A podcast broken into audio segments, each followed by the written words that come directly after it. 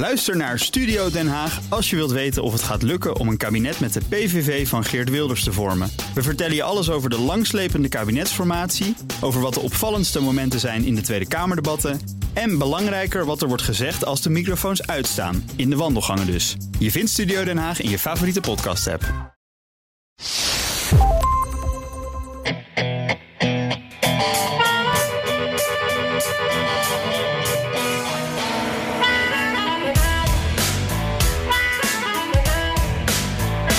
Franklin Delano Roosevelt sleurde de Amerikaanse economie uit de grote depressie met zijn New Deal. Lyndon Johnson schoot met zijn Great Society bejaarden, armen en minderheden te hulp. En nu het Joe Biden, die ruim 2000 miljard dollar in de economie wil pompen. It's the largest American jobs investment since World War II.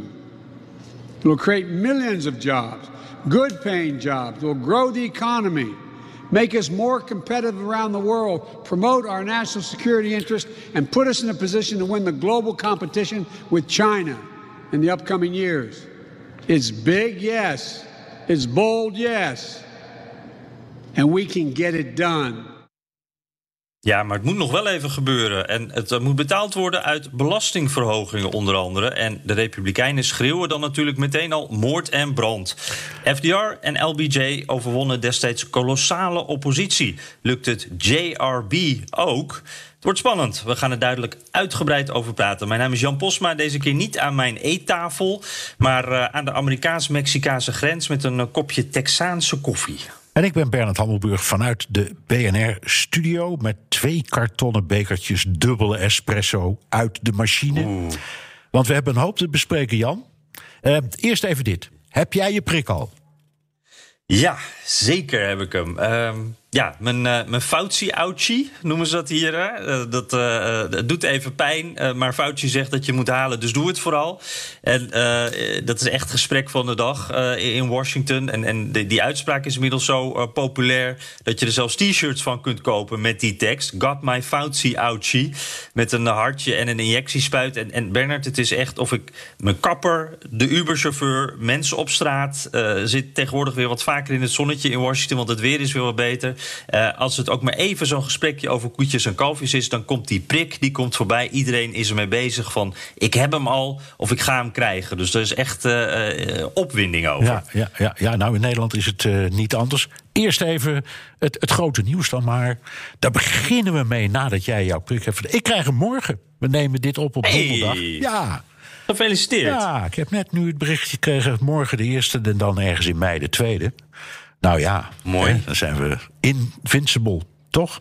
Uh, ja, precies. Dan, dan gaat het weer de goede ja, kant op. Maar dat betekent dat, dat de generatie 70 plus nu uh, in snel tempo wordt gevaccineerd.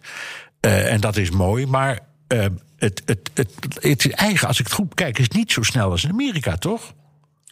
Nee, wat ik zie, uh, er zijn wat kanttekeningen bij hoor. Want, want, hier moet je ook echt wel een beetje vechten om, om je vaccin binnen te halen. Dan, moet je bijvoorbeeld uren aan de lijn hangen. Of, of uh, precies om acht uur s ochtends inloggen en, en dan geluk hebben.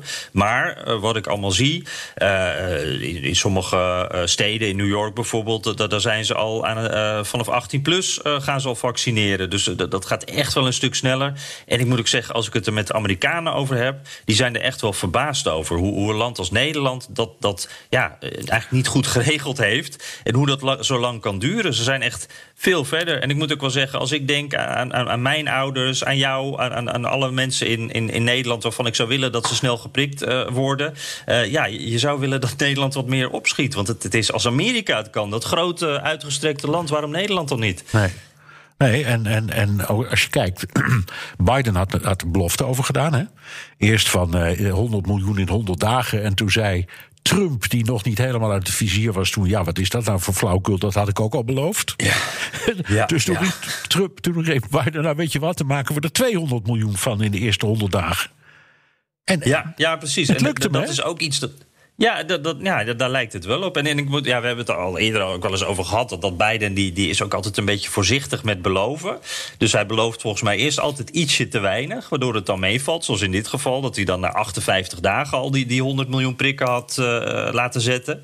Uh, en dan kan hij dus meteen eroverheen. Maar dit is wel iets dat komt wel aan hoor. Dit, dit soort boodschappen. In, pla in, plaats van dat het tegenvalt. Van oh, duurt nog langer, duurt nog langer. Gaat het hier nu eens sneller dan beloofd. Zo voelt dat in ieder geval. En dat, dat, vinden Amerikanen, uh, die ik spreek, in ieder geval allemaal wel echt heel erg belangrijk. Dat, dat raakt hun natuurlijk allemaal persoonlijk.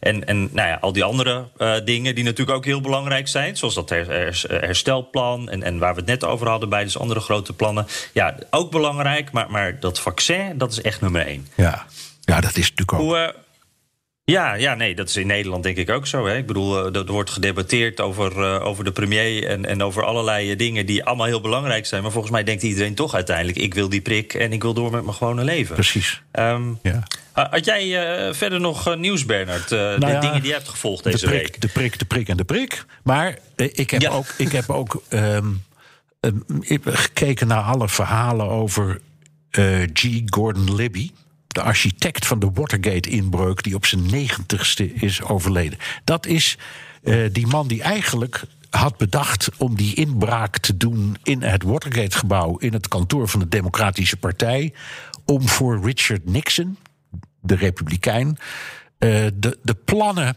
voor de campagne te stelen. He, want dat was wat Watergate was. was. Ja. En hij stond aan uh, het hoofd van het clubje dat dat heeft gedaan. En die zijn de geschiedenis ingegaan als de plammers, de loodgieters. Ja. En hij was dus het brein daarachter. Een hele rare man, oud FBI-man. Um, hij had ook gevochten in de Tweede Wereldoorlog. Maar hij had ook um, daarvoor wel een beetje sympathie gehad voor uh, Nazi-Duitsland. Dus was een omstreden oh. man. Um, en tegelijkertijd uh, uh, ook wel een hele innemende man. En waarom zeg ik dat? Omdat ik hem een aantal keren uh, heb geïnterviewd. Hij had toen, toen hij uit de gevangenis kwam, hij is veroordeeld wegens Watergate.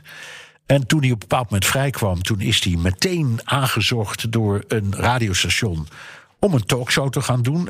Je zou kunnen zeggen, een beetje Rush Limbaugh avant la lettre, want hij was veel eerder. Uh, mm -hmm. Maar zo'n soort talkshow met van die rechtse praat en dan allemaal mensen die konden inbellen. Uh, en op de een of andere manier wist hij zijn toon ietsje vriendelijker, warmer, aardiger te houden dan, uh, dan de generatie van Limbaugh en, uh, nou ja, en, en Hannity en zo, die later zijn gekomen. Mm -hmm. En in die, in die studio, daar, daar ontving hij met veel plezier journalisten, ook buitenlandse journalisten. En daar ging hij het hele verhaal over, over Watergate in geuren en kleuren uh, vertellen. Dus ik ben daar een paar ja. keer geweest en heb ook reportages gemaakt. Dus ja, ik las dat hij was overleden en er is in Amerika behoorlijk wat aandacht aan besteed, maar hier natuurlijk maar heel weinig. Uh, en ik vond het leuk om, om, om het nog even te vertellen. De, de, de, ja, ja. Dus, Bernard, toen, toen je hem dan, dan sprak, wat, wat voor iemand zat dan tegenover je? Was het iemand met spijt of, of juist helemaal niet? Helemaal geen, jaar in de geen greintje spijt. Want zijn, zijn stelling was: ik heb dit gedaan voor de president en op elk moment zou ik het weer doen. Dus spijt ah. heeft hij nooit gehad. Hij was overtuigd van. Uh, uh, nou ja, dat van de, de noodzaak om, dit, om zoiets te doen. En hij -hmm. vond ook uh, al dat gedoe over die bandjes onzin. Als het aan mij had gelegen, zei hij, had ik gewoon die bandjes allemaal vernietigd. Al het bewijsmateriaal uitgeveegd. De groeten, dat was zijn stelling. Zo stond hij nou, erin. Gelukkig ook, dat dat niet is gebeurd. Nee, gelukkig is dat niet gebeurd. En, en, uh, maar hij kon, er, hij kon er smakelijk over vertellen. En ja, weet je, waarom is dat nou zo leuk? Want je kunt ook zeggen, wat, hoe, hoe laat je je met zo'n idioot in? Hè? Dat, dat, dat, is best iets voor te, voor te zeggen. Maar ik vond het leuk om. Ja, je hebt dan toch een soort rechtstreekse band met de geschiedenis van nog niet zo lang geleden. Uh, mm -hmm. Het was bovendien ook om te zien, kaalgeschoren, met een enorme krulsnor en van die bijna zwarte priemende ogen. Het was, ook, uh, het was ook een beetje weggelopen uit een cartoon, hoor, vond ik. Uit een, uh, ja, ik had hem zo in een avonturen cartoon kunnen zien als, uh, nou ja, als de boze. En zo. Dat was hij ook. Dat is de bad guy. Ja, Jan, zullen we voordat we in details van dat herstelplan duiken... nog even praten over die persconferentie van Biden van vorige week. Ehm, het duurde heel lang. Er is nog nooit een, een, een, een president geweest, eigenlijk in de naoorlogsgeschiedenis, die zo lang heeft gewacht met het geven van een persconferentie. En ja, dan denk je, dat is toch zo ingewikkeld. is niet. Het is gewoon een praatje met de media. En daar deed hij het ook moeilijk over. Wat vond je, wat was jouw indruk? Ja, ik, moet zeggen, ik, ik, uh, ik schrok er toch alweer een beetje van. We hebben het in deze podcast ook tijdens de, de campagne vaak wel over gehad. Hoe, hoe fragiel Biden over kan komen. Hè? Dat het toch echt een oude man is. Uh, en, en dat gevoel dat bekroop mij nu weer. Uh, we wisten al dat eh, Biden die had zich dagenlang voorbereid op deze persconferentie. En ik moet ook zeggen, we moeten er ook niet te makkelijk over doen natuurlijk. Dit is wel eventjes, het is een soort toneelstukje. Maar je moet er wel staan als president als je al die lastige vragen krijgt. maar na die dagenlange voorbereiding en, en, dus ook dat lange wachten inderdaad. Want ze wilden dat doen op het moment dat er ook een succesje te delen was. Hè, nadat dat steunplan van 1900 miljard door het congres was. Nou, dan stond hij er dan. Maar uh, ja, het was dus die oude man. Uh, ik hield af en toe echt even mijn adem in uh, als hij een vraag kreeg. En dan was hij aan het zoeken naar zijn woorden. Um, er was bijvoorbeeld op een bepaald moment... Uh, werd hij door Caitlin Collins, zo'n CNN-verslaggever... werd hij gevraagd naar de filibuster. van, nou ja, is dit nou een reliek uit de, de, de, de Jim Crow-tijd... of de burger, burgerrechtentijd? ik weet niet precies wat ze zei. En, en dan, toen bleef het heel lang stil. En toen zag je iedereen ook uh, het muis stil wachten. Wanneer komt dat antwoord? En toen duurde het heel lang uh, voordat hij wat zei. En toen gaf hij uiteindelijk wel een, een heel goed antwoord. Een, een heel politiek antwoord. Hij zei: uh, Politics is the art of the possible. een soort nou, een mooie wijsheid die ik hem wel vaker heb horen zeggen. Maar die toch goed die vraag een beetje zo ja, onschadelijk maakte, zeg maar. Maar het zat bij mij vooral in, die pauzes en die momenten dat hij dus zocht. En, en dat, die, die krakerige stem. Uh, inhoud gaan we het zo ook nog wel even over hebben. Maar ik, ik vond dat toch wel. Uh, dat is wat me, bij mij bleef hangen. Hoe, hoe zat dat bij jou? Nou, ik vond het chockerend. Ik ga weer even verder. Ik, ik, ik vond een ja. stamelende man, moeilijk verstaanbaar, dunne stem. Uh, mm -hmm. Duidelijk uit het hoofd geleerde kernboodschappen. Uh, en bij twijfel dan zocht hij het op in zijn aantekeningen. Dus ik vond het een beetje de spiekbriefjes show van Joe Biden. Uh, en dan ja, dertig uh, journalisten, eigenlijk allemaal van bevriende media. Uh, dus hij wist ongeveer wat hij kreeg aan, aan, aan vragen. En, en alles wat je maar kon verzinnen, dat had hij dan voorbereid. Zo hoort het trouwens ook hoor. Maar het was zo geregisseerd dat ik dacht, kom op. Ik, ik dacht aan John F. Kennedy. Dat is denk ik de enige president geweest uh, na de Tweede Wereldoorlog die plezier had in persconferenties. Dus die, die zat als het ware de treiterende vragen af te wachten en sloeg ze dan als een tennisser keihard terug. En vaak met enorme humor. En ja, als je dat, als je dat dan vergelijkt met zo'n, ja, ik kan het niet anders zeggen, toch een beetje een oud mannetje die staat te stamelen en, en ook af en toe gewoon zegt: Ja, wacht, sorry, ik, ik had er een aantekening over. Oh ja, hier is die. En die dan gaat voorlezen. Ja, ja ik, ik, ik, ik vond het echt een. Ik vond het een beetje een, een blamage. Ja, dit, dit is een beetje, als je het met de tennissen vergelijkt, was dit de seniorencompetitie. Hè? Nou zeg. Dat, dat, niet een president uh, die je zag. Nee. En wat vond je er trouwens van? Je zei al alleen be, be, bevriende media eigenlijk. Want Fox News, die, die kregen geen vraag. Hè? Dat nee. vond ik ook wel uh, opvallend en niet goed eigenlijk. Nee, niet goed. En overigens, dat is niks nieuws. Uh, ik was uh, zelf, deed ik de White House beat, zoals dat heet. In de tijd ja. van Ronald Reagan en Bush 1. En nou, dan zat dus zo die perskamer, die zoals je weet tamelijk klein is, die zat dan wel bomvol. Maar ik geloof in al die tijd dat ik het heb gedaan, dat ik ooit één keer een vraagje mocht stellen. Want de vragen worden altijd uitgedeeld door de president. Uh, en die wijst de volgende vraagsteller aan. En bij voorkeur zijn dat mensen waarvan die weet dat die, uh, dat die hem goed gestemd zijn. dus het is, het is sowieso een beetje een toneelstuk.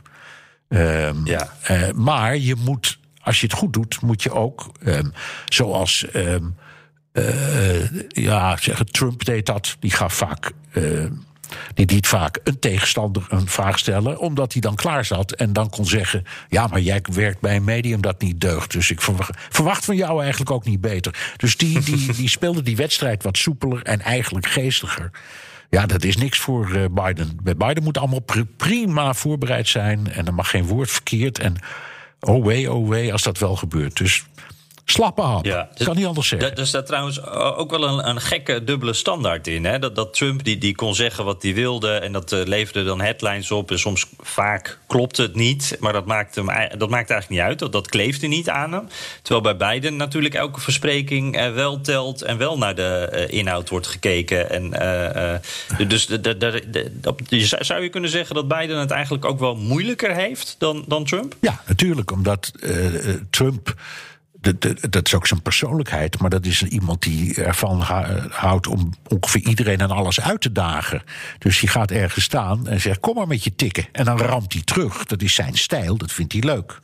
En dat komt mhm. niet vaak voor. Bijvoorbeeld, ik had het over Reagan en Bush 1. Die hadden ook allebei een bloedhekel aan persconferenties en deden het zo min mogelijk. Ehm, hm. Dus we denken altijd, zelfs van Reagan, die toch zo flamboyant kon spreken, die viel eigenlijk door de mand bij persconferenties. Uh, Dan stond hij vaak te stamelen. En, en ehm, ja, wie het ook vreselijk vond om te doen was Obama. Die heeft er ook niet veel gegeven. Dat was toch een man die prachtige toespraken kon houden.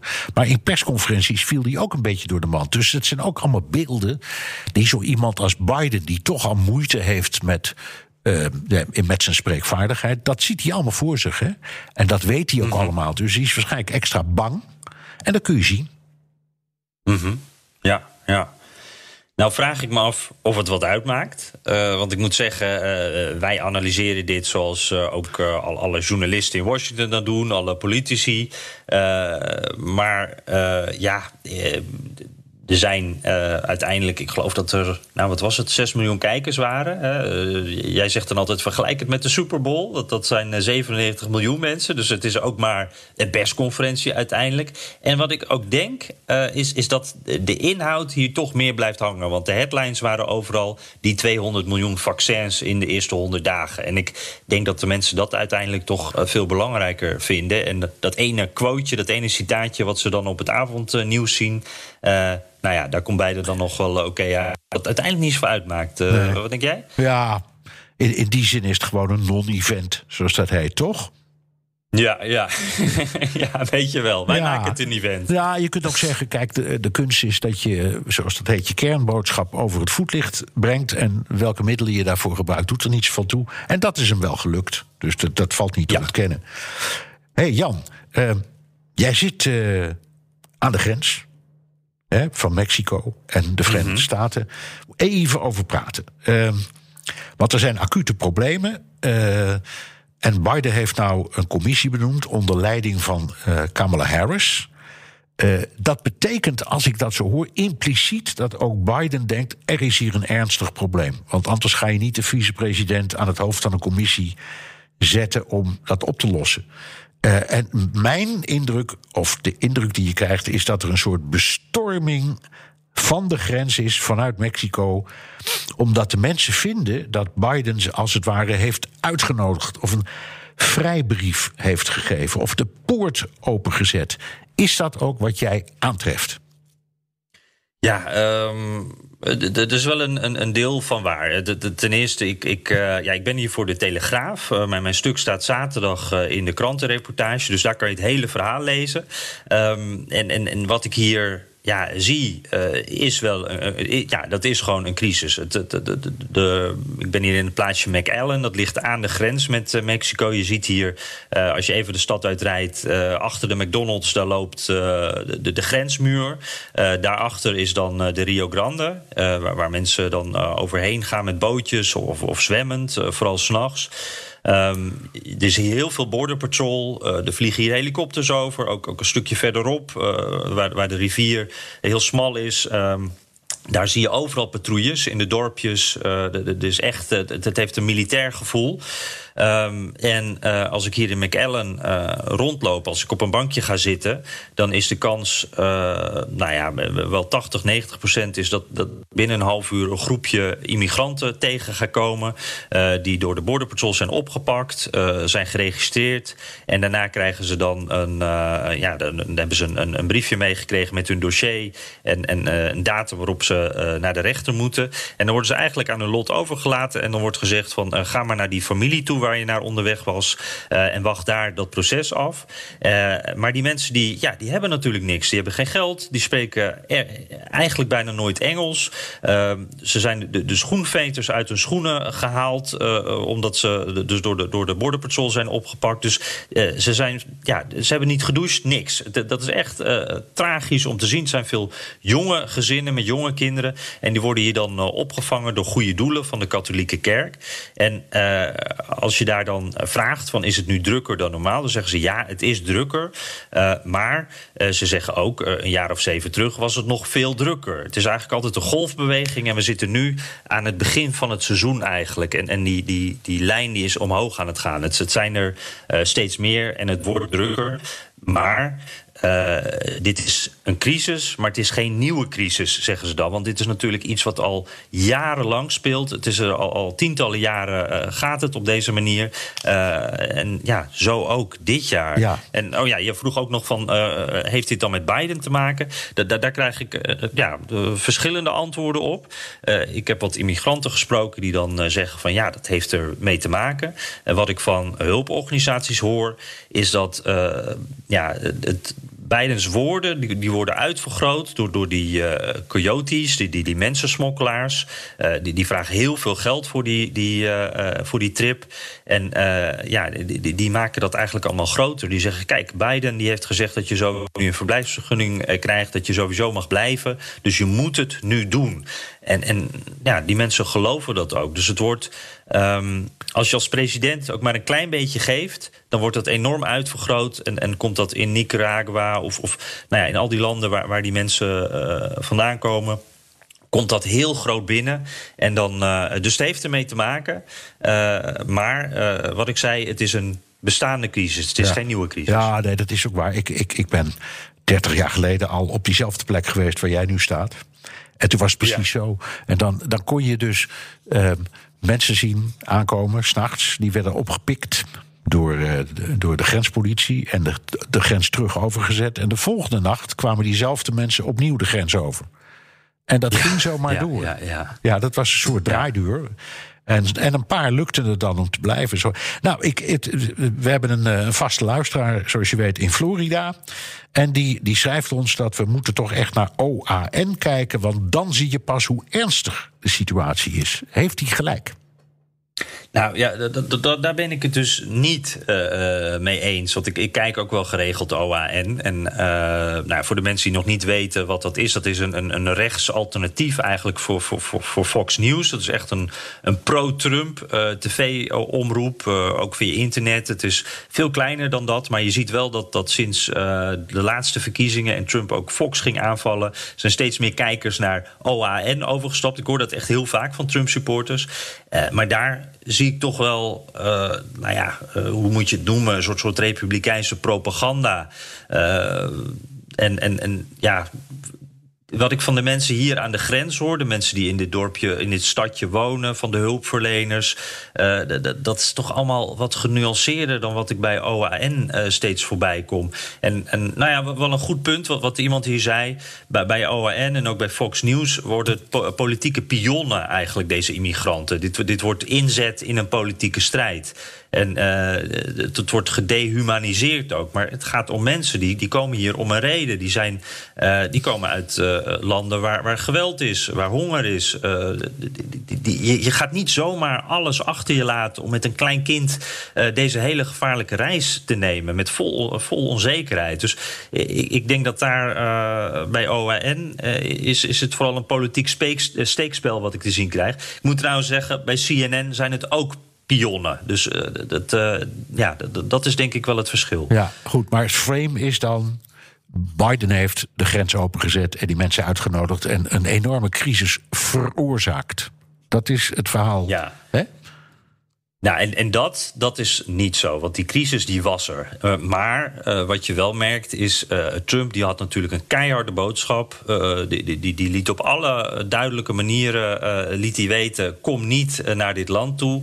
Biden die, die heeft een, meer menselijker, menselijk gezicht willen laten zien. En ja, dat heeft natuurlijk wel een, een gevolg.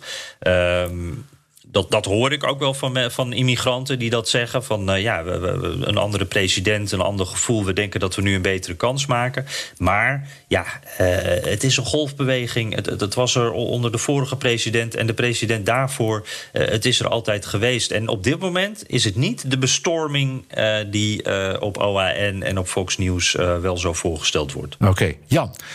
Het is natuurlijk allemaal klein bier vergeleken met de grootste financiële injectie in de wereldgeschiedenis. Het herstelplan van Biden. Ja, het grootste uit de wereldgeschiedenis. Nog nooit iemand die, geen enkele leider die zoveel geld heeft willen uitgeven aan de eigen economie. Wat wil Biden? Ja, um, 2200 uh, miljard dollar. Dus uh, dat een enorm uh, bedrag. Er moet dan ook nog 400 miljard verkorting op schone energie komen. En die, uh, ja, die, die ruim 2000 miljard die is Verdeeld over een aantal posten.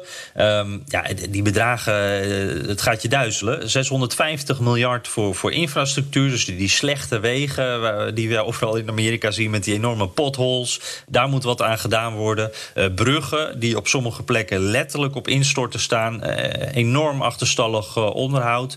is in Nederland ook een beetje een probleem. Maar dat is hier echt een enorm probleem. 300 ehm, miljard. Uh, voor het bouwrijp maken van gebieden voor, voor woningbouw. Dus uh, ook weer banen om, om uh, woningen te bouwen. er gaat geld naar de maakindustrie. elektriciteitsnet krijgt een paar honderd miljard. En 400 miljard voor bejaardenzorg en mantelzorg. Het, het, het is het Build Back Better Recovery Plan, waar we het dan over hebben. Dat bestaat uit, uit twee delen. Dit is het, het banenplan, wat we nu van uh, Biden gehoord hebben. En er zit nog een sociaal pakket uh, van maatregelen aan vast. Uh, waarin bijvoorbeeld ook kinderopvang geregeld wordt. En, en een beter betaalbare zorgverzekering. en, en dat is zeg maar een beetje het deel 2 van dit enorm ambitieuze plan. Maar als ik dan denk een, president die aan het begin van zijn termijn met twee keer achter elkaar, want dit is de tweede keer dat hij met, met zo'n enorme hoeveelheid, eh, zo'n plan komt voor zoveel geld. Is dat met het oog op de, op de tussentijdse verkiezingen van 2022 niet suicidaal politiek? Ja, het is natuurlijk wel een risico wat hij daarbij neemt. Die, die enorme bedragen. Uh, en inderdaad ook al dat corona-hulppakket uh, van, van, van 1900 uh, miljard. Nu dit weer. Dat, zijn enorme bedragen. ik denk het hangt ook een beetje af van zijn aanpak. En, en, en um, ja, als je dan kijkt naar bijvoorbeeld de, infrastructuur en, en het elektriciteitsnet, uh, internet zit er ook nog in, trouwens, breedband internet voor meer mensen. Uh, dat zijn wel ding, dingen waar, eh, denk ik, in beide partijen wel, wel de handen voor op elkaar komen. Republikeinen en Democraten die, die, die zijn het er wel over eens. Die zien het ook wel om hen heen, hoe slecht die wegen zijn en, en dat heel veel mensen geen internet hebben en dat daar wat aan moet veranderen. het levert banen op, volgens Biden miljoenen banen. nou ja, de cijfer werd daar niet aan gekoppeld. Daar word je dan wel een beetje achterdochtig van. Daar ben ik wel benieuwd naar. Maar uh, in ieder geval, daar zitten een hoop plusjes aan. Er wordt nog wel een strijd in het congres. Maar uh, nou ja, misschien uh, dat hij een beetje kan wheelen en dealen. En, en dat er zomaar een, een plan wat hierop lijkt er doorheen kan komen. Maar dat sociale pakket, Bernard, dat, ja, dat, dat lijkt me toch wel lastig hoor. Dat is bij Republikeinen in het congres natuurlijk niet populair. En de vraag uh, hoe betaal je het? En, en, en Biden die wilde de belastingen omhoog gooien, vennootschapsbelasting. Uh, Trump had het net verlaagd naar 21 procent. Biden wil het weer naar 28 procent uh, terugbrengen. Dus daarmee is die verlaging helemaal weg. En uh, belasting op uh, hogere inkomens uh, verhogen. Ook multinationals, die, die moeten meer belasting gaan betalen over hun winsten in het buitenland. Nou kan ik me voorstellen dat daar veel kiezers nog wel enthousiast over worden. Maar republikeinen in het congres, dat weet ik nog niet of dat gaat lukken. En Ja, ook nog wel een vraag, Bernard, die ik daarbij heb. Want die, die kinderopvang, die zorgverzekering, dat soort plannen... die zijn denk ik niet zo populair bij Republikeinen in het congres. Maar ik moet dan elke keer weer denken aan dat gedoe rond het afschaffen van Obamacare. Weet je nog, tijdens de midterms, dat al die Republikeinen in het land... ja, allemaal boze kiezers over zich heen kregen. van, ja, wat moeten we dan? Dit helpt ons. Uh, wat denk je? Zou het toch kunnen zijn dat misschien die Republikeinse kiezer dit veel mooier vindt dan de Republikeinen in het congres? Um, ja, maar op het moment dat je als thema gaat gebruiken deze uh, linke, linkse socialist. Die draait ons allemaal de nek om, want die doet iets wat on-Amerikaans is, namelijk belasting verhogen, ons leegzuigen dan denk ik dat ze daar wel behoorlijk wat uh, succes mee kunnen halen in een campagne. En de besteding, dat dat dan wordt besteed, uh, ja, vooral aan uh, wat jij dan noemde, bejaardenzorg, mantelzorg, weet ik wat, allemaal van dat soort dingen. Ja, dat, daar, daar, daar denken de mensen op zo'n moment niet zo hard over na. Dus ik, ik vind het een heel lastig thema. Ik denk dat hij er grote problemen mee krijgt. Um, en je kan het ook omdraaien. Hoor. Je kan zeggen: Amerika is het enige westerse land dat dat soort voorzieningen allemaal niet heeft. Uh, daar is het in het algemeen niet zo geweldig geregeld. Als je tot de middenklasse of de lagere klasse behoort, heb je het heel moeilijk, vooral als je ouder wordt. Uh, maar uh, zo is de samenleving nu eenmaal gemaakt. En ik, ik denk dus dat het uiteindelijk niet goed valt. En bovendien, hij heeft in de eerste plaats te maken met uh, het congres en niet met de kiezer. Hmm. Nog. Dus hij moet maar ja. eerst zien dat hij dat door het congres krijgt. En de afrekening in politieke zin, die komt pas bij de verkiezingen. En mijn gevoel zegt, als hij dit echt op deze manier wil doordrukken, dan kost hem dat die hele kleine meerderheidjes die hij nu in het congres heeft, absoluut over twee jaar. En dan staat hij echt met de pet in de hand en kan niet meer. Dus ik vind het hmm. levensgevaarlijk om het op deze manier te doen en ook om deze manier te presenteren. Begin nou gewoon eerst eens met die infrastructuur of het elektriciteitsnet. Want dat zijn dingen waar beide partijen het eigenlijk wel over eens zijn. He, dus gewoon dingen die je kunt zien, waarvan iedereen weet dat het heel veel werkgelegenheid oplevert. Begin daar nou gewoon eens. Uh, en mijn gevoel is dat uiteindelijk in het parlementaire debat het ook die kant uit zal gaan. Dus hij gaat dat niet in, in, in zijn geheel. Uh, uh, in één keer er doorheen krijgen. Het gaat in stukjes. En het gaat eerst mhm. over de dingen die haalbaar zijn. Uh, en die belastingverhoging, ja, dat is echt. Ik vind het uh, onhandig. Uh, ik denk ook dat er een campagne komt in het bedrijfsleven. Die willen dat ook allemaal niet. En overigens, die, uh, die belastingparadijzen, dat vind ik wel raar hoor. Want het grootste belastingparadijs ter wereld, bij mijn weten, is waar, Jan? Ja, ik, ik geloof dat jij er uh, nu bent, toch? Nee. Het grootste belastingparadijs. Oh, ik dacht dat Nederland het was. Nee, het grootste belastingparadijs ter wereld, bij mijn weten, is de thuisstaat van Joe Biden, Delaware. Want dat, oh, dat, dat, kent geen wow. vennootschapsbelasting. Dus ah, bijna ja, ja, ja, elke grote onderneming in de wereld heeft zijn formele, officiële, statutaire hoofdkantoor in Delaware. En je hebt daar een, heel, ah. een, een, hele grote gebouwen en daar zitten allemaal van die postbusfirmaatjes. Maar daar zit bijvoorbeeld ook het hoofdkantoor van de New York Times, het hoofdkantoor van The Guardian. Uh, afijn. De, de, dus ja. ik, ik zou zeggen. Nou, als je die eh, belastingparadijzen wil aanpakken, begin dan eerst eens in je thuisstaat. Daar hoor ik ja, Joe Biden ja, niet over. Nee. Oh, wat mooi. Ja, ik moest dus even denken tegenover het uh, uh, gebouw van, BNR. Daar staat ook zo'n grote uh, toren. Hè, met ook allemaal postbusfirma's. Zitten ook, ik geloof, een paar honderd bedrijven in. Maar in Delaware kunnen ze er dus ook wat van. Zeker. En het grootste gebouw in ehm, in Wilmington, Delaware, waar dit soort dingen gebeuren. Dat is een tamelijk onogelijk gebouw. En daar zitten, ik weet niet hoeveel uh, BV's, zouden wij zeggen, in. Uh, dat gebouw is, en, en is eigendom van een Nederlands bedrijf overigens. Dus die vullen daar aardig hun zakken mee. Maar daar zitten bijvoorbeeld ook de BV's in van Donald Trump. En daar zitten mm. de hmm. BV's in van Hillary en Bill Clinton. Allemaal in Delaware. Dus ik zou zeggen, Joe Biden, doe je best. Ja, zeker. Daar is de swamp. Daar is de swamp, precies. Ja, ja, ja, ja, ja. Ja. Hey, en uh, ja, het, het, het, het, het wordt altijd die vergelijking gemaakt met uh, Bernie Sanders. Uh, ik moet zeggen, dit, dit is wel het uh, eerste moment uh, waarop ik echt denk. Jij hebt het alles wat eerder gezegd, waarop ik echt denk van. Uh, ja, die, die, die, er werd altijd gezegd van Biden. Oh, je, bent zo'n, je hebt zo'n linkse socialistische agenda zoals Sanders. Dit is wel een moment waarop ik denk. dit is inderdaad wel groots en ambitieus. En inderdaad links. En de, ja, de, de, vergelijking die gaat, wat mij betreft, vanaf ja. hier wel echt meer op. Ja. Dus al die critici die steeds maar zeiden: joh, kijk uit met die man, want uh, je, je, kiest niet Biden, je kiest de politiek van Bernie Sanders en diens club. Ja, die krijgen, gewoon, die krijgen een beetje gelijk, toch? Ja, dat, dat gevoel heb ik wel. Het, uh, de, dit is het moment waarop ik denk, wacht eventjes. Hier wordt echt, uh, uh, dat, dat zat ook al in het corona-hulppakket... maar daar zou je nog van kunnen zeggen... dat is een soort incidenteel iets. Maar hiermee beginnen we ons echt in meer structureel... echt ander terrein te, te begeven. En ja, ik, ik moet ook. Uh, ik heb hier de krant naast me liggen, uh, de USA Today dan. En uh, ik, ik, zat ook de New York Times. Zo, nou, al die kranten zat ik zat te bekijken naar die voorpagina's. In het nieuwe plan staat overal voorop. En wat mij opvalt, al een paar dagen in de berichtgeving, dat die steeds meer, steeds vaker wordt vergeleken met FDR.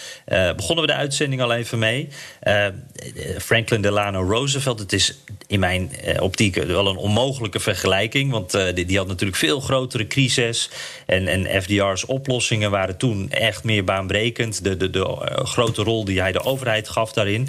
Maar uh, er zit wel iets van FDR in deze aanpak, uh, zie ik zo. Dat, dat zie ik ook in, op al die klantenpagina's. Wat vind jij? Ja, nee, dat is ook wel zo. Uh, kijk, de omstandigheden waren anders. Wat waren nou de, de, de, allerbelangrijkste dingen die FDR heeft gedaan? Was in de eerste plaats de bankgarantie. Die hebben wij trouwens in Europa pas sinds de uh, sinds de crisis van 2008. Daarvoor bestond dat niet. Hè, dat je geld dus gegarandeerd wordt als je het stort op de bank. Tot een ton. Die wet heeft FDR al uh, tijdens de crisis bedacht. En dat was heel belangrijk, want in Amerika had je de ene na de andere bankrun. Dus mensen stonden daar in de rij en haalden hun rekeningen leeg. En dan gingen die banken failliet, want dat geld hadden ze niet in cash. Dus hij heeft dat mm. bedacht en daar kwam inderdaad enorme rust. Nou, voordat hij dat door het congres had, zeg. Nou, nou, nou, nou, nou. Dat viel niet mee, maar het is hem gelukt. Hij heeft ook, heel belangrijk, de AOW ingevoerd. Er was tot op dat moment maar één land in de wereld dat AOW had. Dat was Duitsland, al sinds, ik geloof, 1928. Eh, maar hij heeft dat dus in de jaren 30 in de Verenigde Staten ingevoerd. En dat sprak ook heel veel mensen aan, al kwam het uit de belastingen. Dus premie betalen. Dus ja, ook dat, was, dat is op enorm verzet gestuurd. Dus, maar dat, denk ik, waren zijn mm allerbelangrijkste dingen. En toen is hij begonnen aan de infrastructuur met die enorme bouwprojecten. Zoals de Empire State Building, dat ja, binnen een paar maanden er stond. En, en daar zijn ook beroemde foto's van, van al die tevreden bouwvakkers die daar een boterhammetje zitten te eten. Dat was wat FDR enorm uitstraalde. Maar het, is, het was een gevecht, ja, dat was veel groter dan wat Biden nu moet leveren. Maar nogmaals, de omstandigheden waren anders. Het ging toen in de wereld zo beroerd. En toen kwam die Tweede Wereldoorlog daaroverheen. Dat je had ook een, een leider nodig die dit soort dingen deed. Mm -hmm. Ik moet zeggen, die, die, bij die infrastructuur. Ik wist trouwens niet, het Empire State Building, dat, dat is dus. Dat, dat valt onder deze regelingen, zeg je? Of meer dat, als een dat, soort symbool van. Ja, dat is, dat is een symbool. Ja, het viel eronder, maar het is ook een symbool geworden van, uh, van uh, het, het, het, de bouwprojecten.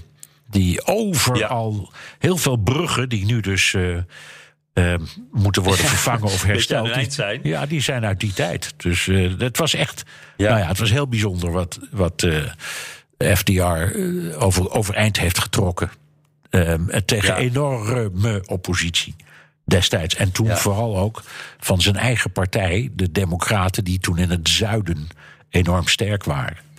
En die, die wilde er allemaal helemaal niks van weten, joh. Dus hij heeft echt een, een enorm gevecht moeten voeren. Mhm.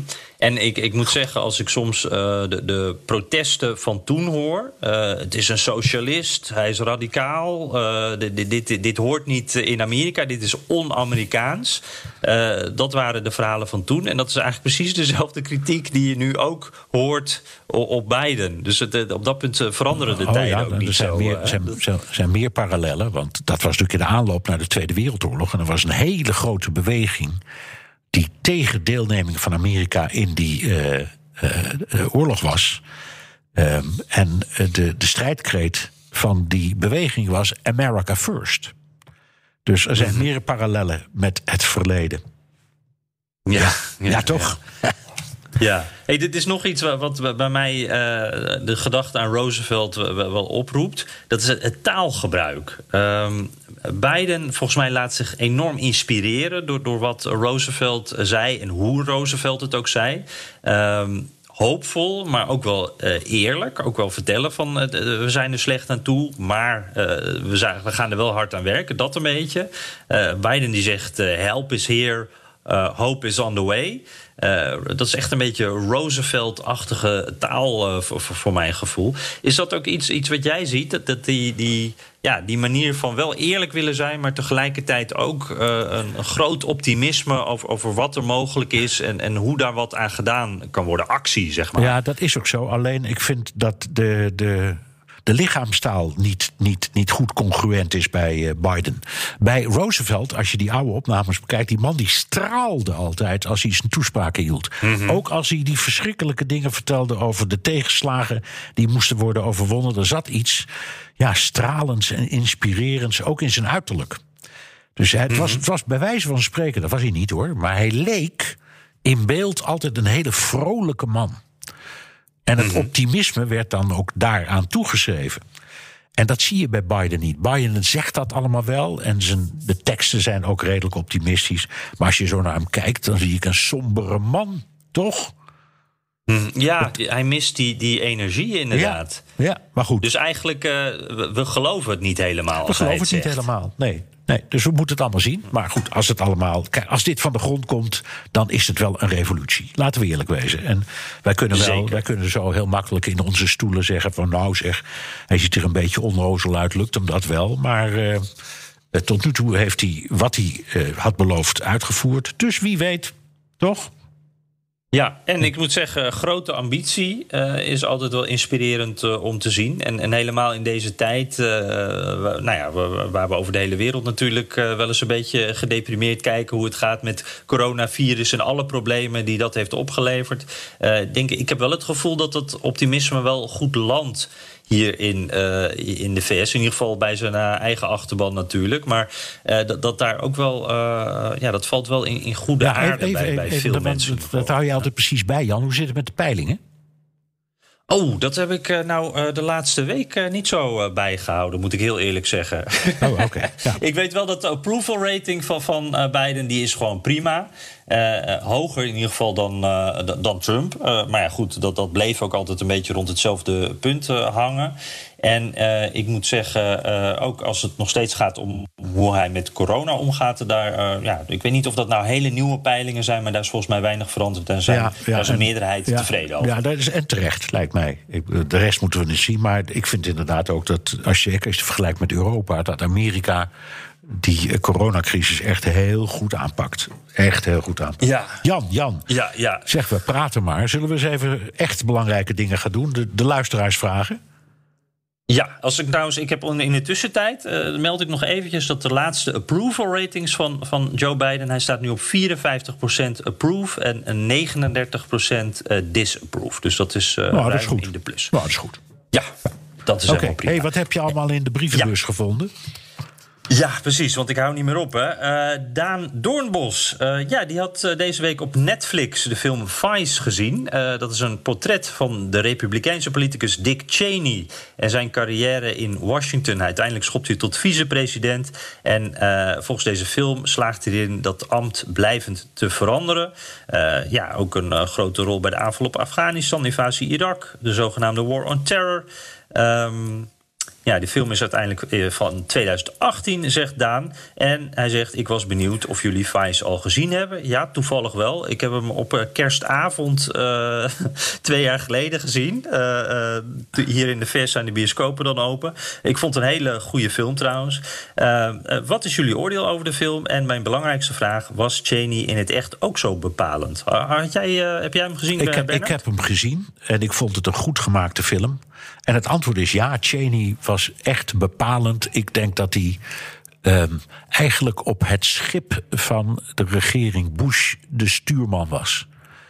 Um, dus, -hmm. dus alle, alle grote beslissingen en de ideologie die daarachter lag. Dat was wel voor een heel belangrijk deel, deel uh, Cheney. En er was natuurlijk een Nixon-man, dus die kwam ook echt uit het, het uh, Republikeinse establishment.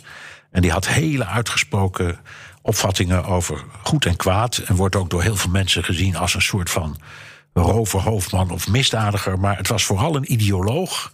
En, en Bush, ja, Bush 2, die hing aan zijn lippen en deed klakkeloos wat Cheney hem voorschreef.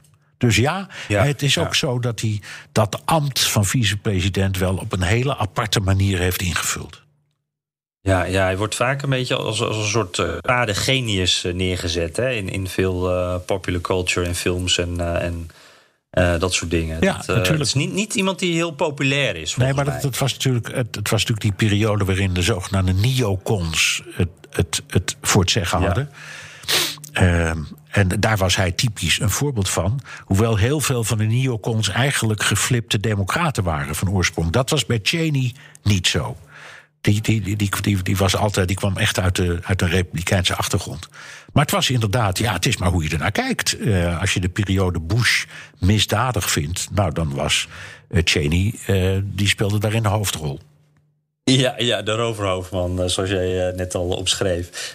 dank Daan. Uit de Waaksens komt hij trouwens. Dat moest ik even opzoeken. Dat blijkt gewoon een dorpje in Friesland te zijn. Nou man, dat dus, hoor jij toch te weten. Ja, dat dacht ik ook. Ja. Uh, Juri Nijs. Voor de diplomatieke aanvaring tussen de VS en China heeft het er alle schijn van dat Amerika de strijd om de grootste wereldmacht ter wereld uh, hard tegen hard wil blijven spelen. Um, nou, hij uh, geeft dan aan van China heeft ook een ambitieus meerjarenplan. en dan vraagt hij zich af. Uh, hoe in de Verenigde Staten wordt aangekeken tegen een andere supermacht. Zou de VS het ooit accepteren dat er een andere supermacht is? Of wil het land dit hoe dan ook voorkomen? En wat gaat dat betekenen voor ons? Nou, dat is een kleine vraag, Bernard. Nou zeg, is, het is het onderwerp waar ongeveer de hele westerse wereld mee bezig is. Hè. Niet alleen in Amerika, maar ook in Europa. Elk land is nu zijn China-visie aan het ontwikkelen. Dus dit, dit is een goede vraag. Um, en mijn idee is dat er een parallel is tussen dat lange verhaal wat we net hadden over de ambities van Biden en al dat geld dat hij wil vrijmaken om de, um, de, uh, de economie aan te jagen. Dat is mede gebaseerd op de gedachte dat er een andere supermacht aankomt die Amerika voor wil blijven. En ik meen ook dat uh, Biden in de presentatie daar iets over heeft gezegd dat ja, we, dat klopt. Dat, hij, dat hij we... zei letterlijk eigenlijk dat dit het, het plan is wat de sleutel is om, om dat andere land, China, ook voor te blijven. Ja, ja, en als we nog even naar China kijken, al die dingen die Biden nu wil, de investeringen en waarin hij die wil, die heeft China gewoon gedaan. En dat kan omdat het een dictatuur is. En die werken inderdaad met vijf of tien jaren plannen. En als meneer Xi zegt, nu komt er een nieuw elektriciteitsnet, daar hoeft niet over gestemd te worden. Nee. Of uh, er komen nieuwe wegen, hoeft niet over gestemd te worden. Komt een nieuw ziekenhuis, dat kan in zes dagen hè, in, uh, in, in China. En, en daar, daar, dus ja, wat dat betreft is het ook wel inspirerend. Misschien ook voor het debat over die enorme hoeveelheid geld die moet worden geïnvesteerd. Want je kunt China niet verslaan als je niet in onze eigen westerse economieën veel meer geld stopt. Daar ben ik van overtuigd. Hm. Ja, en, en, hoe er in de VS tegenaan wordt gekeken. Ik, ik heb het gevoel dat uh, Amerikanen zijn erg uh, op zichzelf gericht. Uh, zien zichzelf ook echt nog steeds als het, het grote, lichtende voorbeeld voor de hele wereld. Het beste land ter wereld. En dat is niet veranderd. En er zijn wel wat uh, ik spreek wel eens iemand en die, die is dan wel wat pessimistischer over eh, de positie van Amerika in de wereld. Maar de meeste Amerikanen die, die hebben niet het gevoel dat er ooit een moment kan zijn dat Amerika niet meer die wereldmacht is. Nee, dat is ook zo. En uh, Misschien. Kijk, eh, als je, als je in Montana woont of in eh, Idaho of Wyoming, dan is dit ook niet iets waar je elke dag mee bezig bent. Maar als je kijkt hmm. naar uh, grote economische ontwikkelingen. Bijvoorbeeld, waar gaan we onze vliegtuigen verkopen? En wie kan auto's kwijt in dat enorme grote China? En andersom, wat komt China allemaal bij ons afleveren waar we niet meer buiten kunnen? Ja, dan moet je mhm. denken in de grote lijnen. En dat is, dan zit geopolitiek en economie heel dicht tegen elkaar aan. Dus als je het mhm. niet zo ziet of waarneemt, betekent dat niet dat het er niet is. Dus die, die, die burger in Montana, vroeg of laat krijgt hij daarmee te maken. Ja, uh, precies. Al, al, al, is het maar als hij een keertje zijn iPhone goed bekijkt, want daar staat op assembled in China. Staat er niet voor niks op. Ja, ja, er was hier een jaartje geleden zo'n discussie over de beveiligingscamera's die uh, door, door Defensie werden gebruikt. Die kwamen uit China. Drones komen uit China. Uh, er was een, uh, een, een, de, de, de metro in Washington moest vervangen worden. nou, dat zouden in eerste instantie Chinezen doen. Maar dat hebben ze toen toch. daar was grote discussie over. Want dat is de metro die ook het station Pentagon bedient. En wat nou als die camera's van afstand kunnen worden bekeken? Ja, het, het, het speelt overal een rol in. En dat, dat dat vinden veel Amerikanen ook wel pijnlijk trouwens. Ja, en 90% van alle antibiotica in Amerika is gemaakt in China. En, mm, en, nou. ook, en, en ook in Wyoming en Montana hebben ze wel eens een antibiotica-kuurtje nodig. Toch? ja, precies, precies. Uh, Tineke Blonk de Jong die zegt: Ik luister iedere week met veel plezier. Mooi. Uh, ik hoor weinig reacties van vrouwen. Dus ik hoop een bijdrage te doen. En toen dacht ik: Ja, dat klopt. Dat zijn toch over het algemeen wel mannen. Dus ik, ik weet niet hoe dat kan. Maar uh, vrouwen die luisteren, we weten dat jullie er zijn. En stuur ook die vragen, want dat vinden we heel erg leuk. Tineke in ieder geval bedankt. zij heeft het over de polarisatie. ja, dat is in mijn beleving heviger dan ooit, zegt ze, maar altijd aanwezig geweest. Uh, beide waar. Als de ene partij eh, iets wil bereiken, zorgt de andere partij dat het weer afgebroken wordt. Hoe vindt de gemiddelde Amerikaan dit? Het geeft toch veel onzekerheid? Uh, ja, ik maar even eerst. Uh, het, ja, is, het, is, het is waar, het is altijd zo geweest. Het is nu wat erger dan het normaal is. Ook omdat je ik zeg, binnen, dat heb ik nooit zo meegemaakt dat er zoveel haat, echt haat is. Tussen familieleden en, en vrienden en weet ik wat allemaal. Die, ik zeg altijd, net doen alsof het allemaal zo belangrijk is. dat het een vriendschap kan vernielen. Dan is er iets mis in, in de samenleving.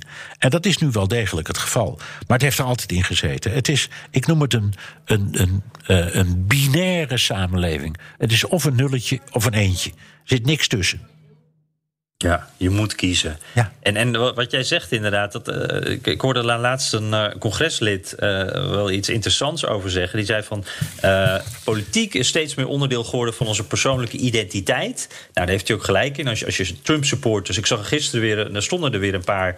ik bedoel, het zijn geen verkiezingen, er is geen reden om het nu te doen. Maar die stonden bij een kruispunt allemaal met vlaggen te zwaaien. Dat, dat Trump toch vooral terug moet komen in 2024. Allemaal shirtjes aan, de petjes. Het zijn echt een soort sport, uh, ja, voetbalsupporters, denk ik dan altijd aan. En dat congreslid zei: uh, die sport die moeten we heel snel terugkomen.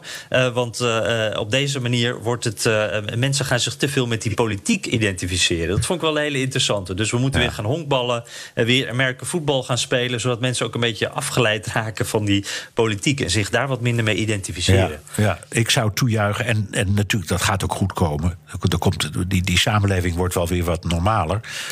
En je mag ook hopen dat alleen daarom al er een van die hele grote plannen, bijvoorbeeld over infrastructuur, wel degelijk door het congres komt met steun van beide partijen. Dat zou echt enorm helpen. Ja, dat zou echt een opsteker zijn, inderdaad. Ook voor, voor deze discussie. Um, Ruben Henniphoff, um, die uh, mailt vanuit het door Amsterdam omringde Duivendrecht. Hij zegt: Ik geniet iedere week van de podcast. Mijn vrouw is een Amerikaanse uit Georgia. En de podcast helpt me om meer over het fantastische land van mijn vrouw te leren. De afgelopen jaren, maar in het bijzonder met de verkiezingen, was, het super interessant om uh, het aangetrouwde onderdeel te zijn van een Amerikaanse familie. Met zowel Biden supporters uit Atlanta als hardcore Trump supporters uh, van het platteland van Georgia en alles daartussenin. Um, en hij vraagt zich dan af. Uh, ja, deze week was Georgia opnieuw in het nieuws. Dit keer met die aanscherping van die stemwetten. Wat is nou de kern van deze wet? En is dit nou echt iets wat het stemmen moeilijker uh, gaat maken? Dus heeft dit ook echt invloed? Hoe zit dat, Bernard? Nou, ja, dat is wel zo. Kijk, die wet die met de snelheid van het geluid is aangenomen, dat vond ik al verdacht. Meteen door het Huis, de Senaat. En, en de, de, de, de gouverneur stond al met zijn opengedraaide vulpen klaar om het te tekenen. Dan is er altijd iets mis, vind ik. Uh, allemaal republikeinen. Overigens. Allemaal republikeinen. Maar goed, het, het, komt erop neer dat het, uh, het, het stemmen, dat vinden in elk geval de Democraten moeilijker maakt voor armere mensen. En dat zijn vooral zwarte mensen. En daar heb je er heel veel van in Georgia. Uh, dus minder stembureaus. Allerlei beperkingen aan per post stemmen, verplichting om voor identificatieplicht. Dat is altijd in Amerika een moeilijk uh, onderdeel, omdat een identificatiedocument altijd geld kost. Dus democraten zeggen altijd: je kunt mensen niet dwingen om geld uit te geven voor een, voor een recht dat ze hebben, namelijk om te gaan stemmen. En, dan ja, en mensen die hebben dat ook vaak niet nodig. Hebben het ook vaak die, niet die nodig. gaan niet naar het buitenland, dus die, die, kunnen best zonder een paspoort. Precies, precies. Um, en maar wat hier echt, waardoor de stoppen zijn doorgeslagen bij heel veel mensen... en waar, waardoor ik het eigenlijk ook niet meer serieus neem... want het gaat struikelen bij het Hoge Rechtshof...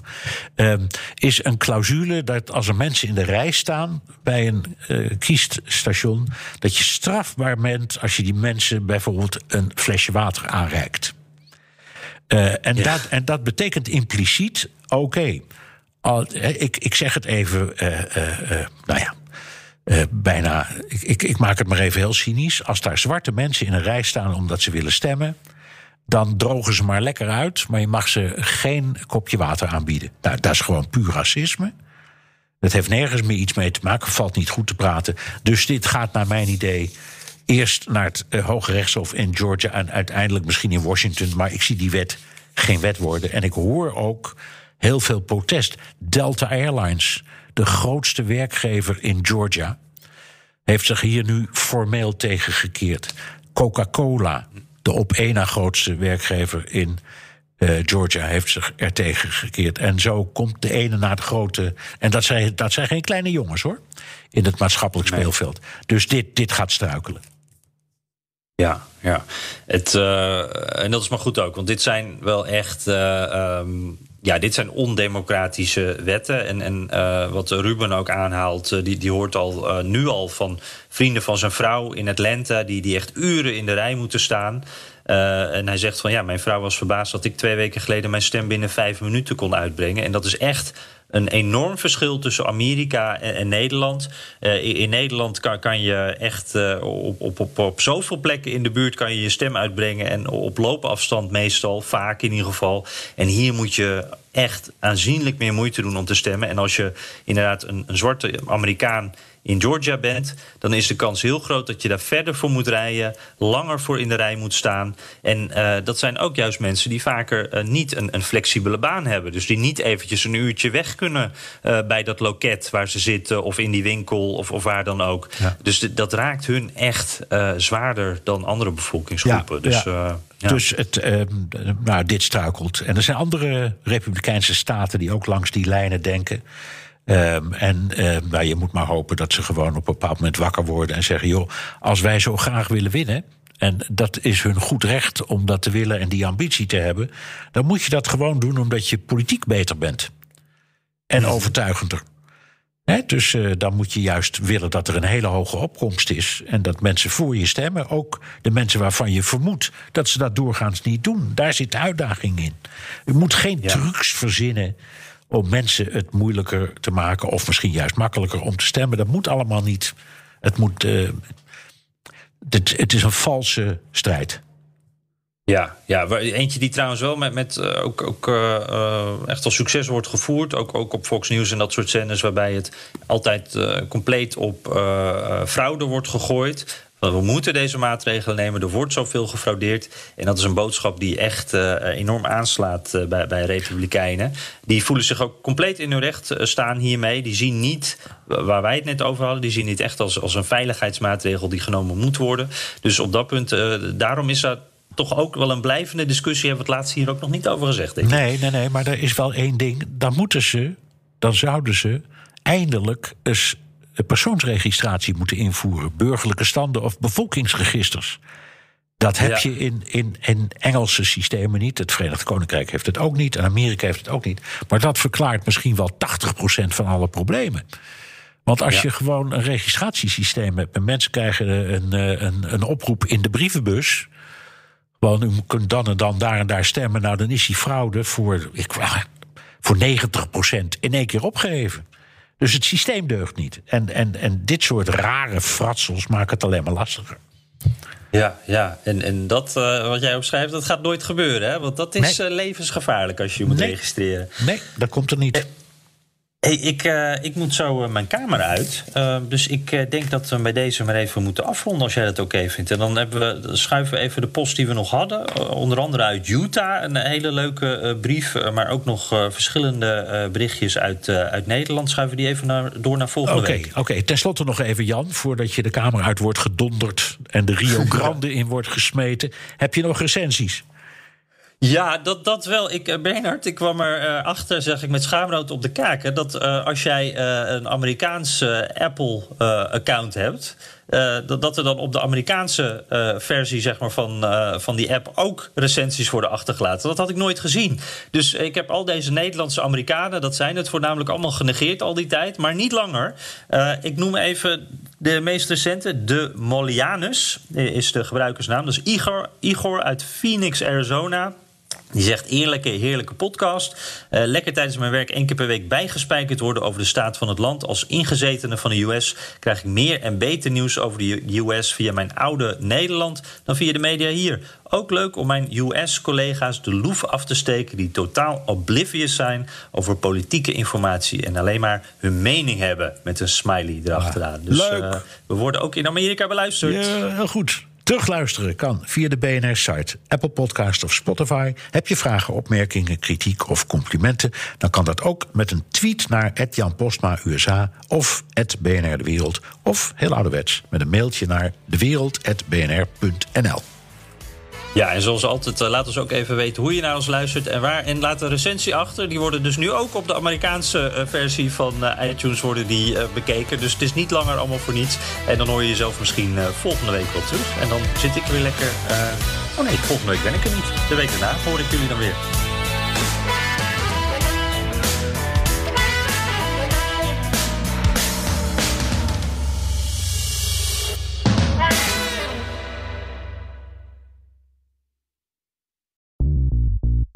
BNR ben je altijd als eerste op de hoogte van het laatste nieuws. Luister dagelijks live via internet. Bas van Werven. En heel langzaam komt de zon op rond dit tijdstip. Je krijgt inzicht in de dag die komt op BNR, het Binnenhof in Nederland en de rest van de wereld. De Ochtendspits. Voor de beste start van je werkdag. Blijf scherp en mis niets.